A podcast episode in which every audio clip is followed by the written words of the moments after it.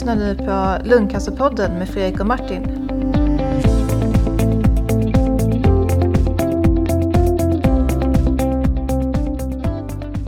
Hej och välkomna till Lungcancerpodden. Jag sitter här med Martin. Tjena! Tjena! Tjena! Och Johan. Hej! Tjena Johan! Hej! Jo, det är ju så här att vi har ju faktiskt Johan här som gäst idag. Eh, Och Johan är patolog. Eller hur Johan? Just det, jag är patolog och eh, håller på med lungcancerprover eh, till vardags och tittar på dem på olika sätt. Ja.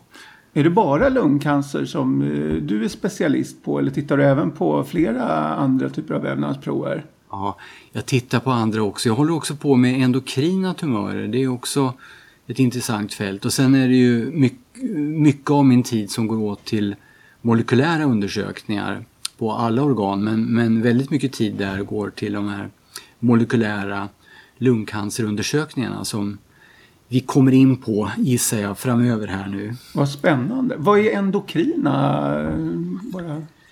Ja, det, det är de tumörer som uppkommer i hormonproducerande organ som sköldkörteln och eh, binjuren och, och det, det finns faktiskt hormonproducerande celler i alla organ så att de här tumörerna kan uppkomma lite varstans. Också i lungan faktiskt som lungkarcinoider som eh, vi har berört dem tror jag Vi vid har något pratat tillfälle. om Ja, inte så djupt. Vi har, de är ju så sällsynta så man har lite taskig koll på dem. Men, men eh, vi, vi har berört dem. Ja. Ja, och också småcellig lungcancer är ju också en sån här egentligen en, en endokrin eller en tumör som kan vara hormonproducerande ibland.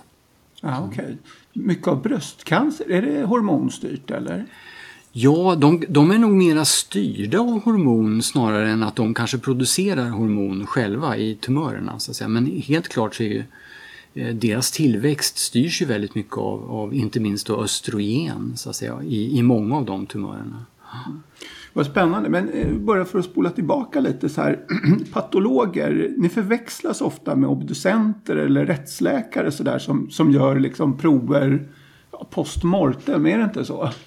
Jo, det, det är så. Och eh, man kan säga att patologi är egentligen så att säga, en specialitet som har hand om, om vävnadsanalyser.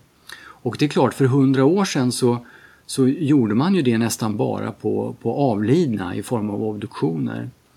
Men sen under de sista hundra åren så har man ju tagit mer och mer prover i form av biopsier på vävnadsbitar och man opererar också bort allt mer delar av organ och tumörer från, från folk och patienter. Då. Så att det har blivit våran huv, vårt huvudnummer. Så att idag är det så att 90% av en patologs tid går till vävnader från levande patienter som vi undersöker. Och 10% kanske, eller 5-10 är obduktioner då av, av avlidna på sjukhus. Men, men inte sådana som, som, som dör i olyckor eller vid brott och så vidare. Det, det är rättsmedicin det. Men det är ju så också att ni, ni eh, det här med de som dör på sjukhus av medicinska eh, anledningar. det- Där måste ni ha tillstånd va? Eller hur är det för, av, av anhöriga för att eh, göra den här obduktionen? Ja, ja absolut. Jo, men eh, anhöriga bestämmer eller eh, om patienten har uttryckt någon vilja före döden så är det det som gäller eh, också. Absolut. Så att det, det, det, det är alltid tillfrågade patienter eller anhöriga bakom.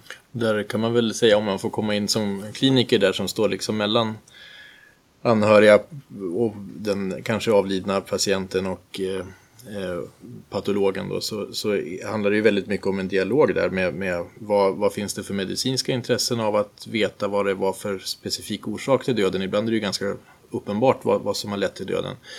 Eh, och ibland så är det anhöriga som faktiskt känner sig väldigt otillfredsställda i, i att inte få en riktigt klar dödsorsak till exempel. Så att det kan finnas flera olika eh, önskemål i det och det gäller att hitta en, hitta en, en eh, väg som, som alla känner sig bekväma med. Men, men som du sa, 90 procent av tiden så är det på levande ehm, patienter. Då. Det, ni gör även snabb, snabbanalys under operation, va, vad jag förstår. Ja, det är det som kallas för fryssnitt då, och det, det kan ofta vara under, under en operation där man hittar någonting oväntat eller man vill veta under pågående operation om det kanske är en speciell sorts tumör eller om tumören har vuxit över på andra organ eller in i, in i angränsande strukturer så kan de ta små vävnadsbitar eh, och skicka. Eh, hos oss går det ofta via rörpost och sen eh, snitt, den där, fryses den där biten ner hos oss. Eh, man gör ett snitt, lägger på ett glas, färgar och tittar direkt i mikroskop kanske efter 10 minuter, en kvart. Och då kan vi ringa in svar till, till kirurgen som står och opererar att ja, det, det växte faktiskt cancer åt det hållet så att ni måste kanske ta med det, mera, ta bort mer där eller, eller tvärtom att nej det var ingenting där så att det, där kan ni låta vara i fred. Ja, Okej, okay. spännande. Det är ju rena detektivarbetet i de fallen. Liksom. Eller det kanske är i alla fall att man när man liksom sätter igång eh, och letar liksom, vad, vad man eh, hittar. Ja.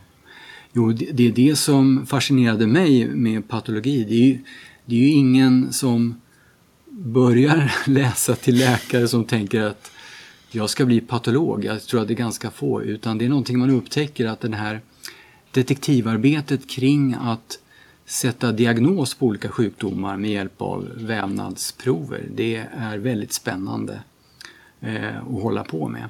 För att det vi får in är ju en bit, en centimeterstor klump av vävnad och, och, ofta har man ingen aning om vad det är förrän man så att säga hugger tag och, och gör alla analyser. Och så kommer man förhoppningsvis fram till ett svar. Det är inte alltid man gör det heller.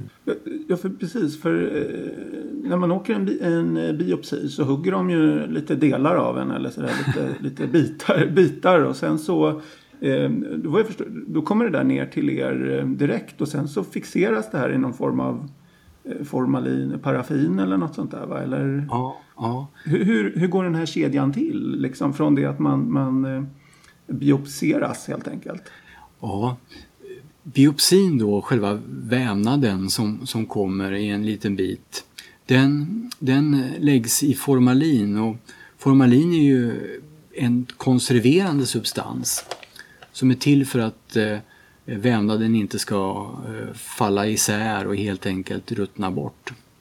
Så att, så att det är som en konservering och efter den konserveringen som tar ja, en till två dagar ofta så ska då biopsin ligga och bada i det här.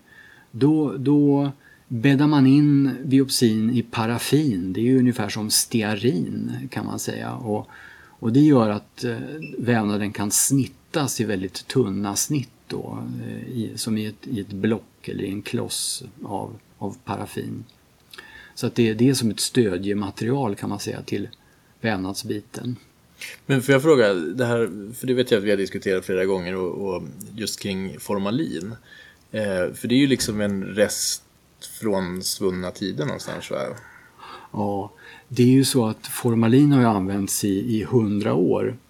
Och är en fantastisk konserverande substans för att när man väl har haft den här lilla biopsin i formalin så, så kan den ligga i 50 till 100 år i rumstemperatur i ett skåp och var i stort sett i samma form som, som när den togs. Mm. Och man kan ju faktiskt ta fram ur våra gamla arkiv biopsier som är 50 år gamla och fortsätta undersökningen om man skulle vilja det. Nu är det ju eh, ingen anledning till det kanske men man kan säga att i forskningen så kan man ta fram 20 år gamla eh, vävnadsprover för att eh, se vad, vad, vad man gjorde på den tiden så att säga och eh, hur det gick för gamla patienter till exempel med speciella sjukdomar. I formalin, är det det här som eh, man brukar se liksom i glasburkar med olika grejer ja, i? Liksom? Ja. Finns på, på museerna så kan det ju ligga ödlor och ormar och, och alla möjliga djur i sådana här burkar och det, det, är, det är ofta formalin.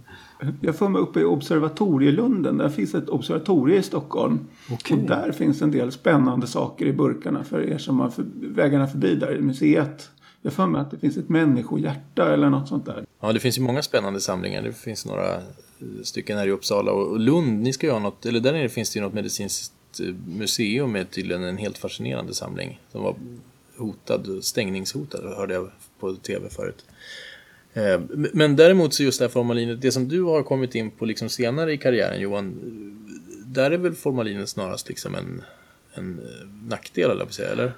Absolut, och det kan man säga är det som jag har ägnat mina sista tio år i De övriga 90 procenten när du inte har Att, att eh, försöka hantera de här formalinfixerade, alltså konserverade vävnadsbitarna och få ut eh, då eh, Eh, arvsmassa eller DNA och RNA ur tumörer som går att analysera. För att nackdelen med formalinet är att, att det, det konserverar vävnaden så hårt så att, så att de eh, gener man vill studera, eh, där mutationerna finns i, de är väldigt upphackade och då fungerar inte de här vanliga teknikerna som används i 20-30 år väldigt brett inom forskningen utan det gör att man måste specialdesigna diagnostik så att man kan göra det på de här små konserverade eh, biopsierna.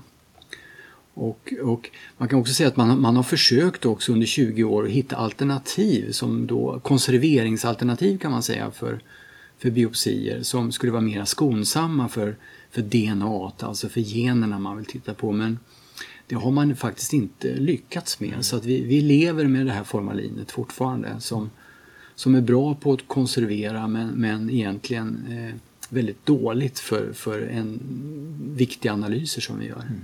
Så att när man lägger en, eh, en biten i formalin och sen, sen eh, liksom packar in det i paraffin då för att kunna hyvla upp det och titta på det okulärt då gissar jag i, i mikroskop. Ja, ja, precis. Eh, då, då kan inte samma prov ofta användas för DNA-analys. Alltså, eh, man, det var väldigt svårt att göra det för, för 10-20 år sedan men man kan säga att Uh, utvecklingen som har skett, man kan säga att det är ett parallellt utvecklingsspår som har gått med all forskning och det är att, att då skräddarsy tekniker som klarar av den här konserverade vävnaden. Och i praktiken innebär det att, att de teknikerna man behöver använda kan då hantera väldigt upphackat och söndertrasat eh, DNA, alltså tumörarvsmassa då, så att man kan hitta mutationer i väldigt söndertrasade eh, tumörceller helt enkelt. Mm. Spännande.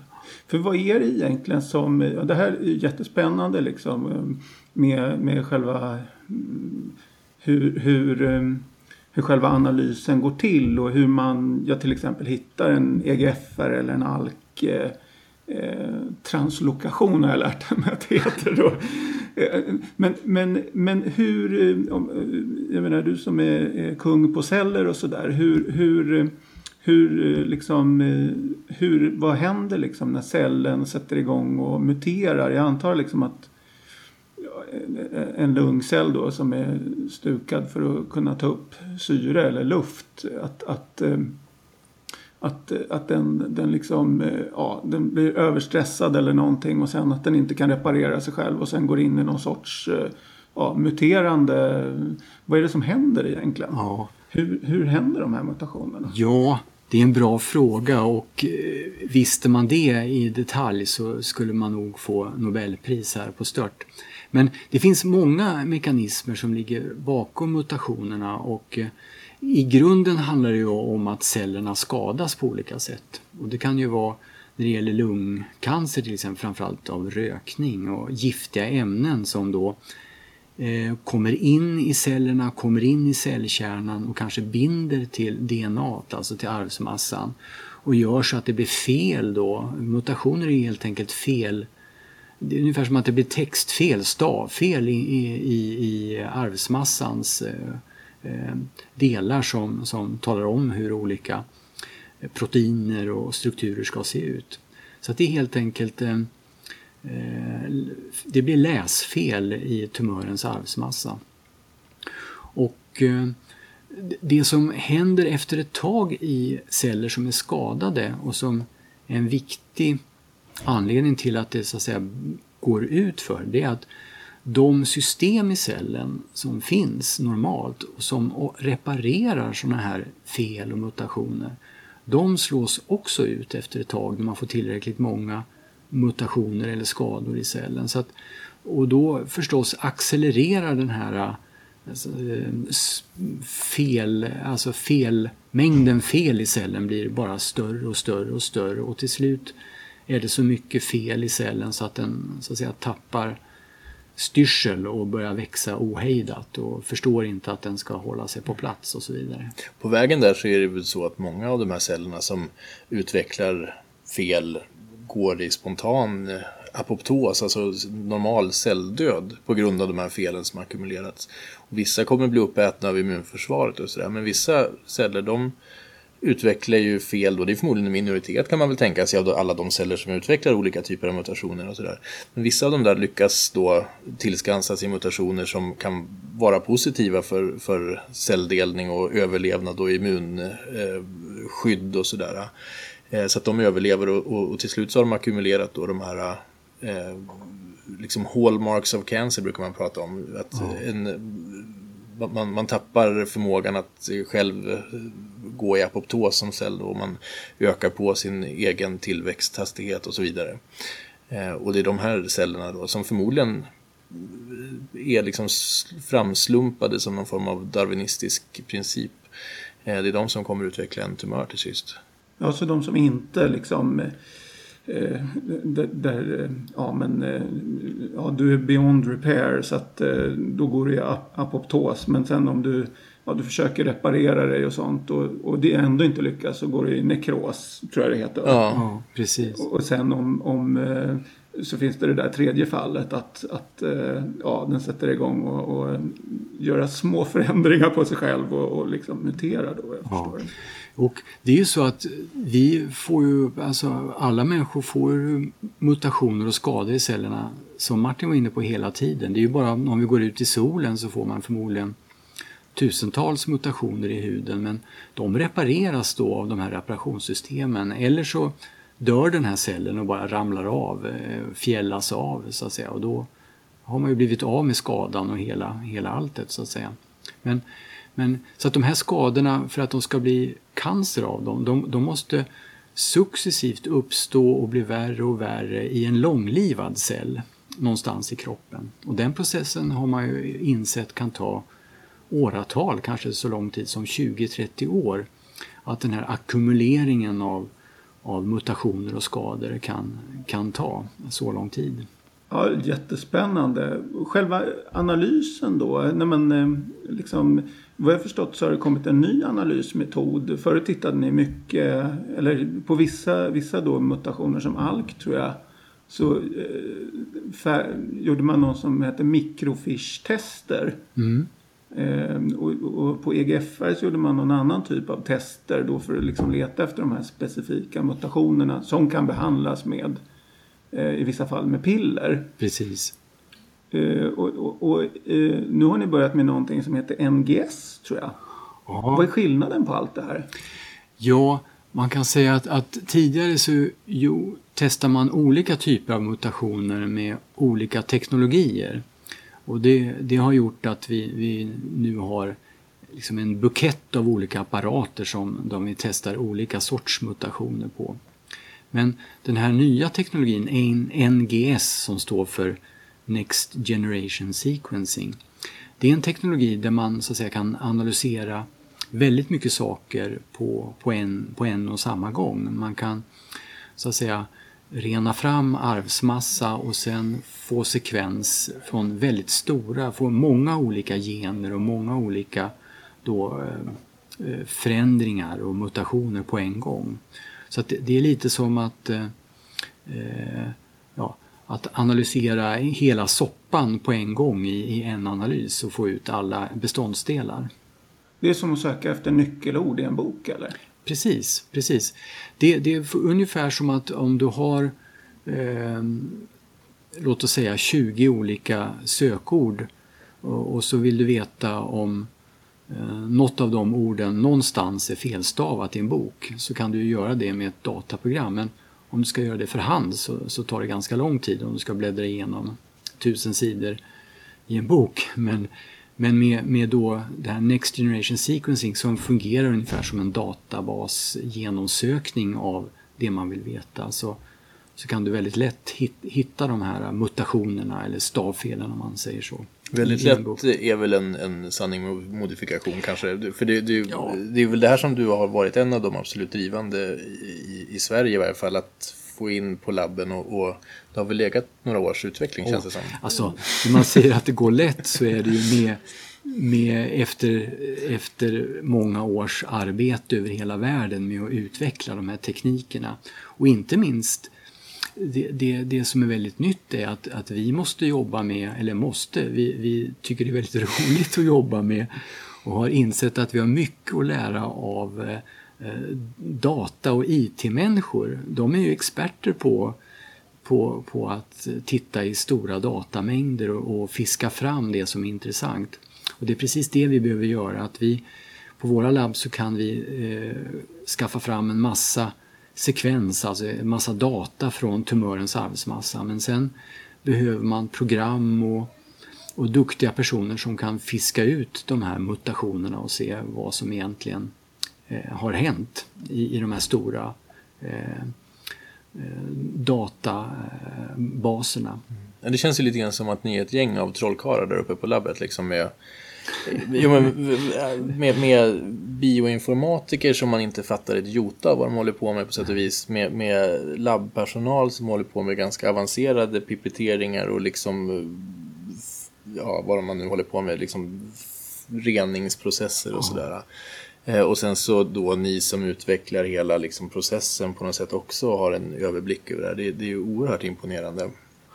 Ja, och man kan säga, jag tror att man när man pratar om ny teknologi så, så fastnar man ofta vid apparaterna som är väldigt häftiga. Men man kan säga att nyckeln för att vi skulle komma i mål med den här nya sortens diagnostik det har varit att man så att säga på ett och samma ställe kan, kan ha en bioinformatiker som kan databaserna, att man har en duktig molekylärbiolog som kan sekvensera DNA i kombination med medicinsk kompetens då, att man måste ju förstå vad man ska leta efter i, i en lungcancer till exempel och då har vi ju nu eh, vilket är väldigt kul, ett stort team av, av eh, onkologer och lungläkare och patologer nu som är intresserade och tillsammans kan, kan definiera hur vi ska gå vidare och vad vi ska leta efter. Spännande. Så, så, kort sagt, man, man tar en, en, en, bit av patienten och sen så sekvenserar man den. Så, så får man ut DNA boken eller vad man ska säga. A, B, C, D, A, B, C, D, A, C, vilken ordning som helst. Jättemycket bokstäver och sen så kan man fritextsöka efter det där. Ja, Vad spännande, det är ju fantastiskt. Samtidigt så är det ju liksom synkront där, så för vi, vi har ju kvar så att säga den gamla diagnostiken mm. som ju är en jätteviktig del. För man ska komma ihåg att de patienter som än så länge berörs av, av den här molekylära eh, patologin, det är ju de som har en, en drivande mutation där vi kan behandla med då den här nya typen av målriktade terapier. Eh, huvuddelen av patienterna har ju fortfarande inte någon drivande mutation och där är ju den här eh, traditionella patologin oerhört viktig eh, för att få reda på liksom, är det en skivepitelcancer, är det en småcell, är det en eh, adenokarcinom, är det ett eh, karcinoid? Eh, för att vi ska kunna rikta liksom, den här lite trubbigare arsenalen av preparat som vi har i form av cellgifter och strålbehandling och så vidare. Och det här pågår ju då parallellt egentligen och den här processen ska dessutom helst gå himla snabbt så att, så att eh, man kan komma igång med behandlingen så fort som möjligt. Mm. Och det är ju en otrolig utmaning både för, för klinikerna så att säga och för, för eh, er på labb vad jag förstår. Mm. Jo, för att diagnostiken idag är som en, vad ska jag säga, som en som en, en smörgås med många pålägg så att säga. Att man, man börjar och, titta i mikroskopet kanske vad, vad, det ligger för bröd i botten och sen kan man göra eh, sådana här immunhistokemiska färgningar, alltså där man färgar på snitt och tittar vilka proteiner som finns där.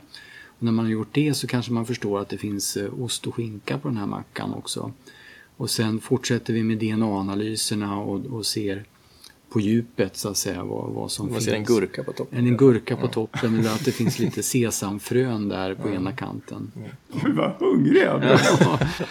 Nej, men det, det, det är olika delar av så att säga, eh, eller på olika nivåer. Man, man behöver titta på en tumör på vävnadsnivå, på cellnivå, på proteinnivå och sen på DNA och RNA-nivå, alltså på, på små, små molekylära förändringar. Och allt det tillsammans ger diagnosen till slut. Så att det är många steg i, i en diagnos som sen kommer ut till, till eh, de behandlande läkarna.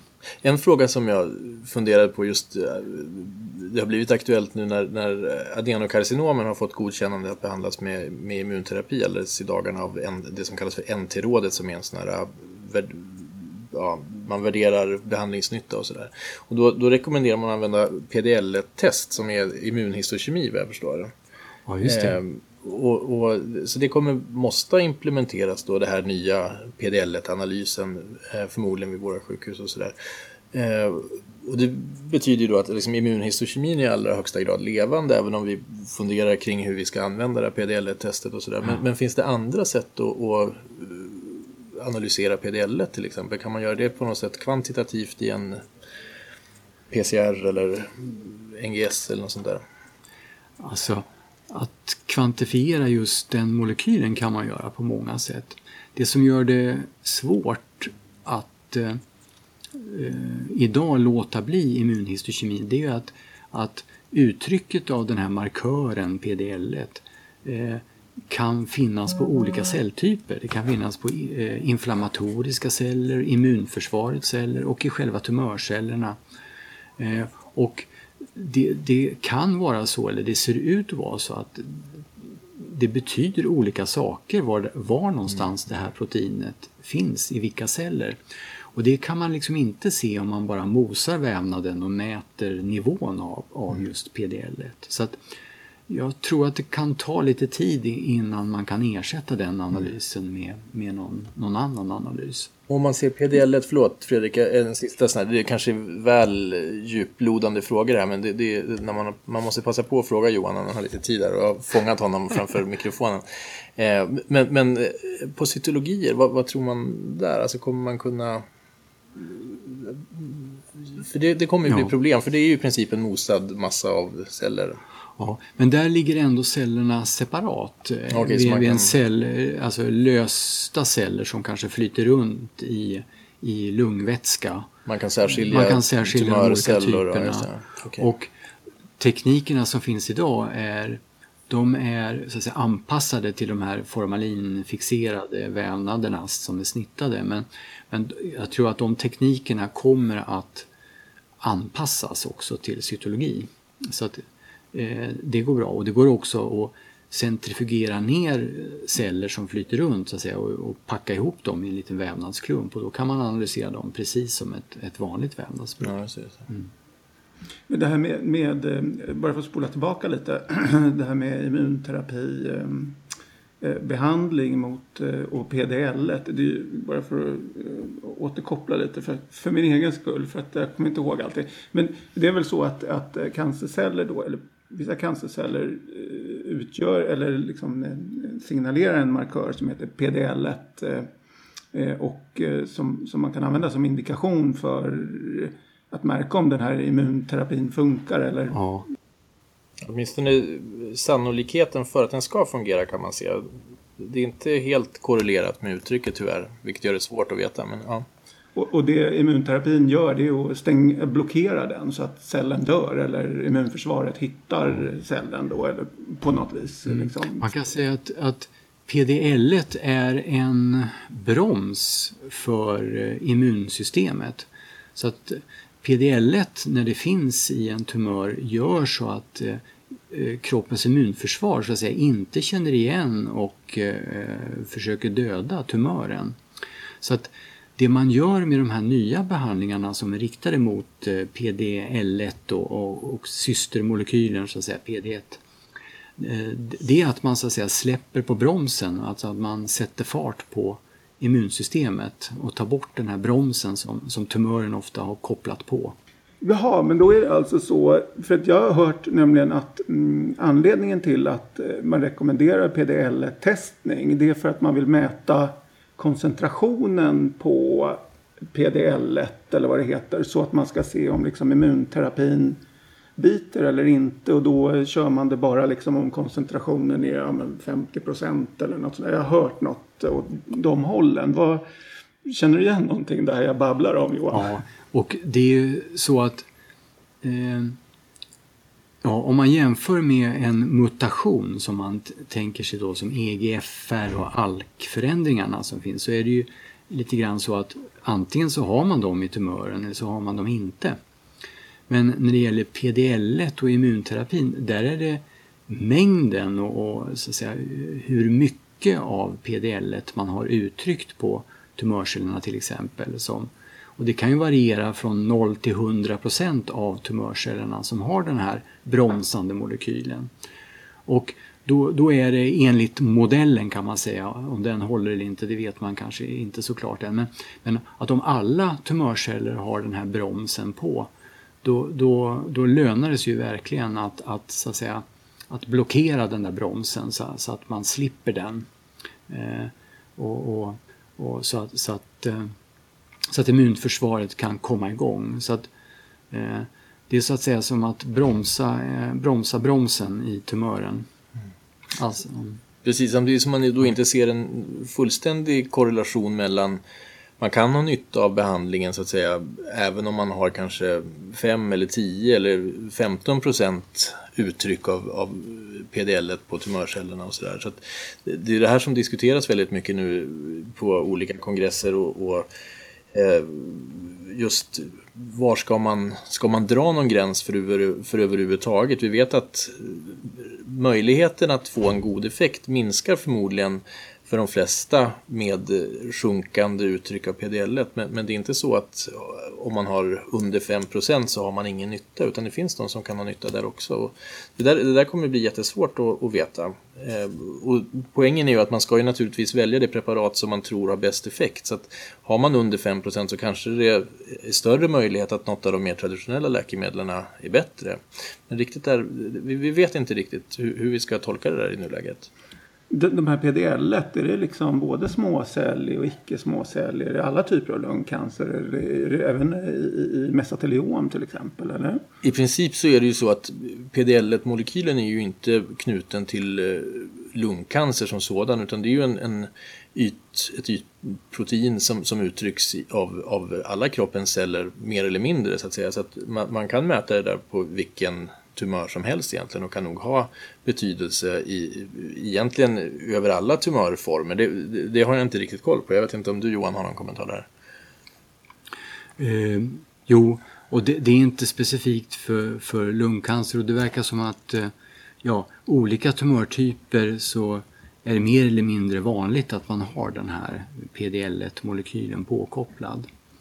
Eh, och det är också så, det som är både intressant eh, men också svår eh, hanterat när det gäller de här immunmarkörerna det är att de kan åka lite upp och ner beroende på, på behandlingar som har givits och om man kanske får infektioner eller någonting parallellt. Så att, alltså, om en tumör ha, inte har eller har PDL, det, det är någonting som man undersöker då för stunden och sen vet man inte eh, ja, efter några månader om, om det kanske ser likadant ut igen. Så det gör nog också att man måste kanske när det gäller immunterapi ta prover mycket oftare och verkligen se hur immunsystemet anpassar sig till den behandling man ger eller, eller om man behöver kanske eh, påverka immunsystemet på något ytterligare sätt. Och det, det fick vi höra på det stora cancermötet vi var på i Chicago, eh, Martin och jag här, att, att just kombinationsterapier eh, där man ger olika immunstyrande molekyler verkar vara väldigt lovande och kanske framtiden. Mm. Jo, det, det, låter ju som det uppenbarligen. Att, att, och det kommer väldigt många fler olika mekanismer som man kommer kunna eh, tweaka liksom, på olika sätt. Att, att uppreglera och nedreglera beroende på vad man har för svar av immunceller som kommer in i tumören till exempel eller vad, vad tumören uttrycker för olika skyddsmekanismer och sådär. Så, det tror jag definitivt. Eh, jag har någon liten fråga som jag tänkte jag skulle passa på att fråga. För bland annat just under det här äh, mötet i Chicago som, som äh, vi ju faktiskt hade en specialare om. Äh, en, en egen litet avsnitt.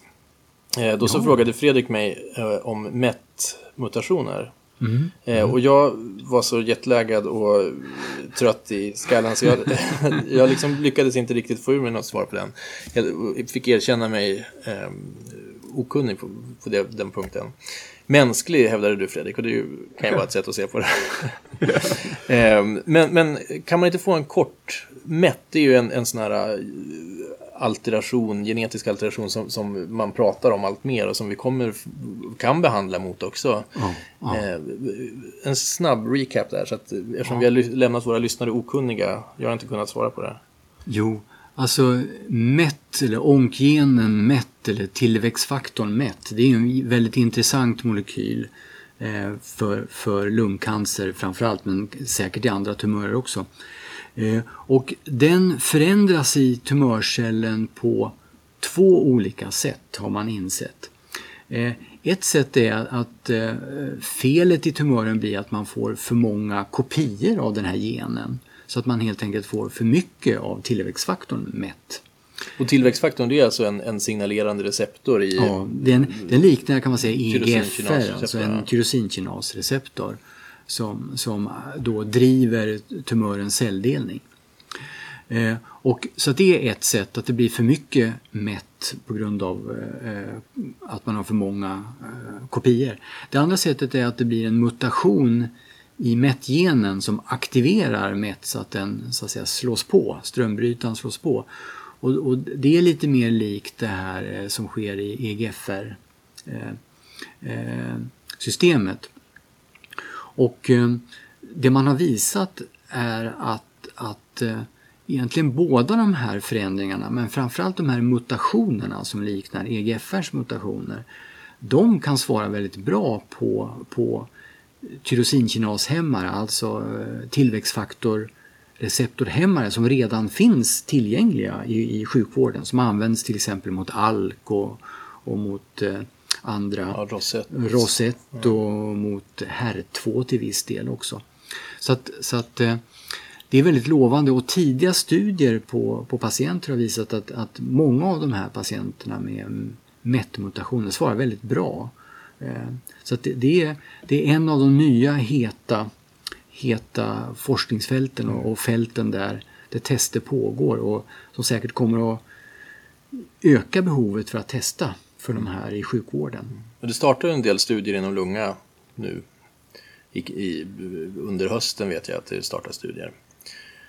Eh, som ska köra både till exempel TKI då för Ja, precis. Man, man lägger till en mättämmare till den traditionella behandlingen vill jag minnas att det rör sig om. Jag är inte helt uppdaterad men... Men, mm. Eh, men är MET liksom en, är det att betrakta som en eh, mutation likt EGFR? Eller, för jag trodde att mutationer att de var liksom mm, och man kunde inte ha EGFR och ALK samtidigt till exempel. Men då visar det sig att EGFR och MET kan man ha. Alltså, eller? Ja. Och då är just de här mutationerna, om man pratar med de här begränsade sekvensförändringarna i generna, de brukar man bara ha en av, alltså man har dem i en av de här generna vid lungcancer.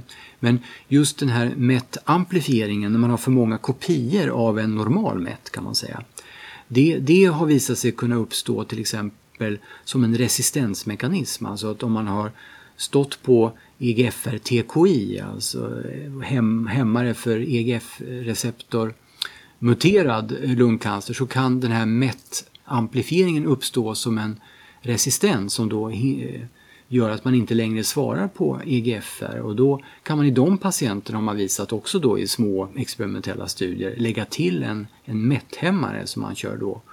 Både en EGFR-hämmare och en MET-hämmare samtidigt. Spännande fantastiskt. att få klarhet i det där också var otroligt eh, pedagogiskt och liksom eh, eh, äntligen begriper man. fantastiskt. Och det, är ju så, det, det händer ju så mycket varje månad så att man baxnar ju nästan av all ny kunskap som växer fram här och lungcancer har ju blivit en en, ett forskningsfält som accelererar kanske fortast av alla forskningsfält just nu. Just för att man har hittat så många olika kombinationer av mutationer och att man också har många möjliga behandlingar att testa. Så det finns ju väldigt många kombinationer av behandlingar kvar att testa som, mm. som egentligen inte testade än. Och många analyser att, att utveckla också. Alltså, ja. Vi snackade bara häromdagen, jag kommer ihåg att vi nämnde i det här ASCO-avsnittet att, att man började kunna testa för cirkulerande tumör-DNA till exempel i, i, urin, vilket lät väldigt exotiskt tyckte jag när jag hörde det på, på ASCO här. Men, men det är sånt där som liksom vi nu börjar diskutera, det, hur man ska komma fram till, för det är ju en enorm möjlighet just för att det, det, det visar sig att det är stabilare. Urinet är liksom, det är på något sätt det konserverar DNA bättre än blodplasma om jag förstår. Så mm. I Sverige då som är så jäkla avlångt eh, och där det kan vara svårt att få ett blodprov att komma fram till nästa sjukhus över bara några timmar så där, skulle kunna, eh, urin kunna vara en jättebra källa till sådana här eh, cirkulerande eh, tumör-DNA. Då. Det är så att det händer otroligt mycket och att ha den här dialogen med dig har ju varit ett otroligt stimulerande. Vi, vi pratar ju nästan veckor, veck, ja, varje vecka i varje fall om, om hur fasen man ska gå vidare och, och utveckla det här. Liksom. Det är ja. fantastiskt spännande. Ja, men det har varit ett väldigt intressant halvår här när vi har börjat testa för tumör-DNA och mutationer i blodplasma, alltså i vanliga blodprover. Och det, det har ju visat sig fungera i, i många fall och det är ju mm. tack vare att vi har tillsammans och, och ni på, på klinikerna här har, har bemödat er och ansträngt er för att få fram de här eh, blodproverna som ska behandlas på, eller hanteras på ett mm. speciellt sätt för att det ska gå bra. Och, och, och det, det, är väldigt lovande utveckling att kunna testa, kanske inte alltid behöva ta ett vävnadsprov under behandling utan man kan så att säga, mäta det utläckta DNA och utläckta mutationer i blod och kanske också i, i urin. För det, det, det, ser också väldigt lovande ut som sagt, mm. som du sa. Du, det här var ett fantastiskt spännande avsnitt och vad spännande det har varit att prata med dig Johan. Det, är verkligen, eh, det märks att du kan otroligt så mycket, eh, mycket om det här. Och liksom, det är verkligen, eh, ja, det här måste vi nästan köra ett till avsnitt om känner jag, eller hur Martin? Ja, vi får köra det efter sommaren. Ja, det är verkligen ja, men jätte, Jättekul att komma hit och, och prata om det här med, med er och eh, ni eh, har verkligen eh, kunskap och slå huvudet på spiken och pressa mig här på alla svåra, oklara utvecklingslinjer som pågår. Men det är jätteintressant. Ja, tack. Ja, tusen tack för idag. Och eh, tack både Johan och Martin att, att eh, ni var med idag och liksom ställde upp och snackade om det. Det var ju verkligen ja, Tack själv. Tack för att jag fick komma och vara med här. Jätteroligt. Tack så mycket och så hörs vi nästa gång. Hej. Hej. Hej. Tack för att du lyssnade på Lungcancerpodden med Fredrik och Martin. De senaste avsnitten hittar du alltid på lungcancerpodden.se eller i din podcastapp.